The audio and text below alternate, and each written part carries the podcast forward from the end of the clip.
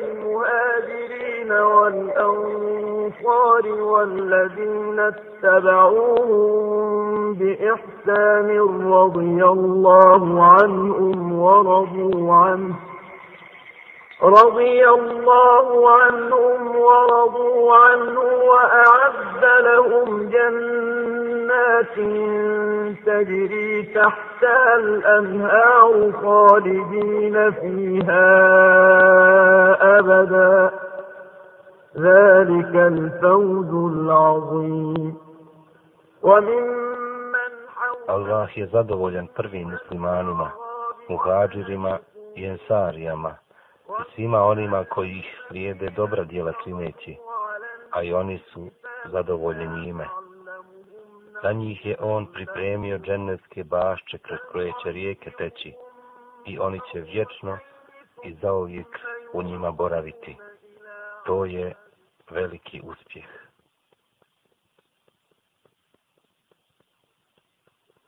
Ko je taj što je zbog njega Allahov poslanik žestoko ukoren sa prostora iznad svih sedam nebesa. Ko je taj što je u vezi njega Melek Džibril spustio u srce vjerovjesnika objavu od Allaha? To je Abdullah ibn Umi Mektum, mu jezin Allahovog poslanika sallallahu alaihi ve sellem. Abdullah ibn Umi Mektum je Mekelija Kurejšija, rodbinski vezan sa vjerovjesnikom sallallahu alaihi ve sellem, jer bijaše Dajđić, majke pravovjernih Hatidže, neka je Allah zadovoljan njome.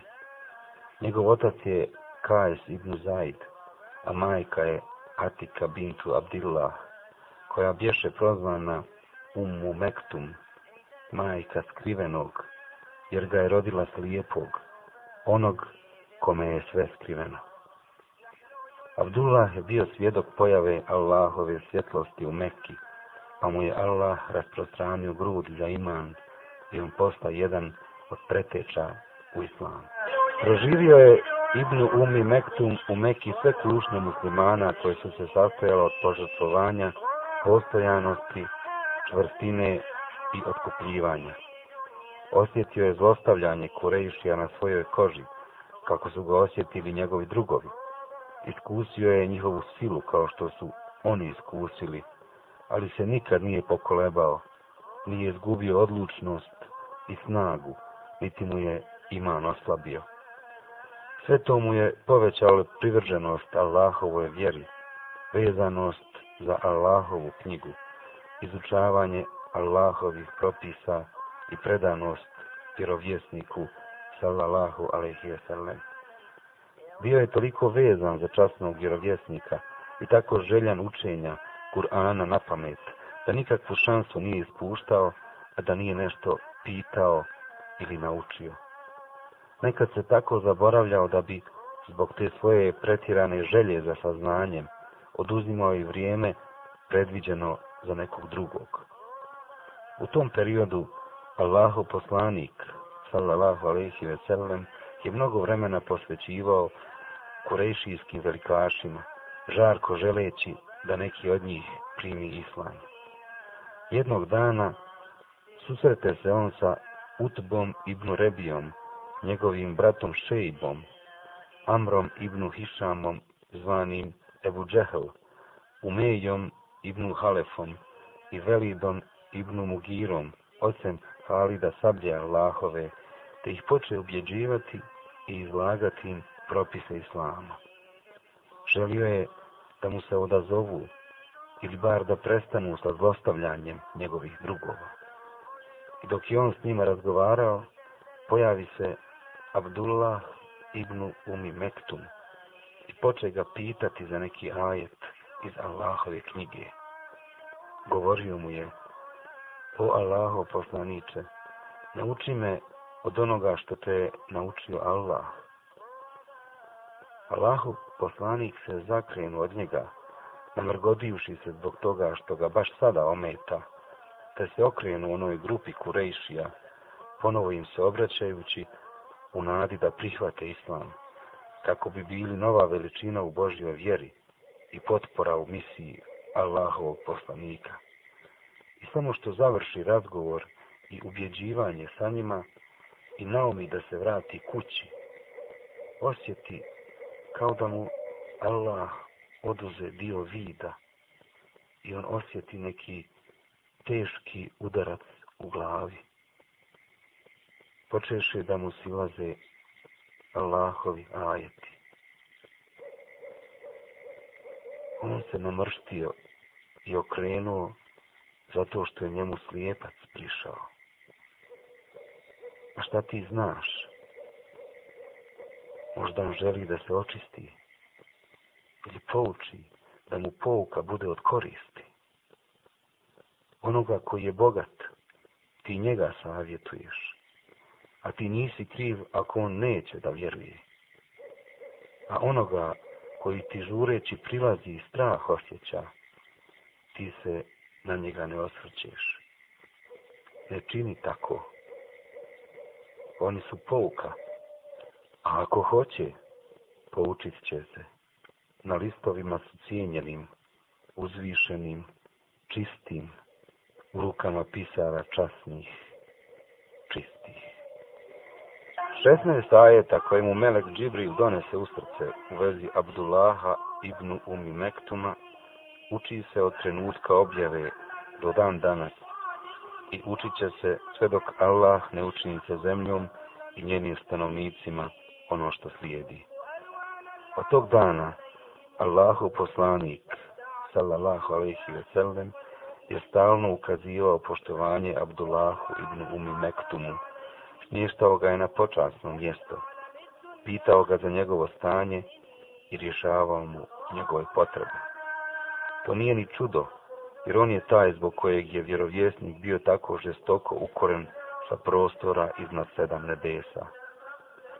A kada Kurejšije pojačaše svoja zlostavljanja, vjerovjesnika i onih koji bijah uz njega, Allah dozvoli muslimanima hidru, pa Abdullah ibn Umi Mektum bi jedan od prvih koji napusti svoj rodni kraj bježeći sa svojom vjerom. On i Mus'ab ibn Umeir bijahu prvi od vjerovjesnikovih ashaba koji stigoše u Medinu. I samo što Abdullah stiže u Jesrib, odmah poče skupa sa svojim drugom Mus'abom obilaziti ljude, učiti ih Kur'anu i obučavati ih vjerskim propisima. A kada u Medinu stiže Allahov poslanik, sallallahu alaihi ve sellem, uze Abdullaha ibn Umi Mektuma i Bilala ibn Rebaha za mu jezine, koji svakog dana pet puta uzvikivahu riječi tevhida. Pozivali su ljude na najbolji posao, posticali ih na njihov spas. Bilal bi učio ezan, a Ibnu Umi Mektum bi učio i kamet, a nekada bi činili obratno. U mjesecu Ramazanu bi Bilal i Ibnu Umi Mektum postupali drugčije. Muslimani bi svoj sehur odpočinjali ezanom jednog od njih, a završavali bi jelo kada bi čuli drugog mu jezina i njegov ezan. Bilal bi učio ezan u noći i budio ljude, a Ibnu Umi Mektum je iščekivao zoru i onda bi ih svojim ezanom upozoravao da je sehur završen čast koju je Allahu poslanik sallallahu alaihi veselem, ukazao Ibnu Umi Mektumu je doprla dotle da ga je postavljao za zamjenika u Medini kada bi odsustvovao više od deset puta, a jedan put obješe njegov odlazak u osvajanje Mekke. Poslije bitke na Bedru, uzvišeni Allah objavi svome vjerovjesniku kuranske ajete u kojima uzdiže ugled u džahida i daje im prednost u odnosu na done koji ostaju kod kuća za vrijeme džihada. Cilj toga je da se što više postaknu mu džahidi na borbu, a oni što ostaju kod kuće da se osjete manje zaslužnim. Ti ajeti ostaviše dubok utisak na Abdullaha ibn Umi Mektuma i teško mu je padalo na dušu što tako ne može zaraditi tu nagradu, pa je jednom rekao, O vjerovjesniče, kada bih mogao ići u borbu, sigurno bih išao.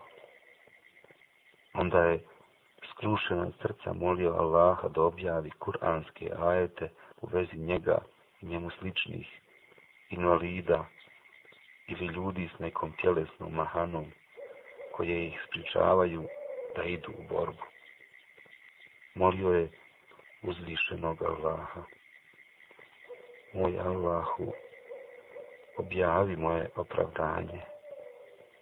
Moj Allahu, objavi uzor. Bio sam uz Allahovog poslanika, sallallahu alaihi ve sellem, pa ga jednom obuzeo mir, stabilnost. Njegovo koljeno stisnu moje koljeno. Nikad ništa teže nisam osjetio nego tada koljeno Allahovog poslanika sallallahu alejhi ve sellem. Tada se on povrati pa reče: Piši Zejde. Pa ja počeh pisati Allahove riječi.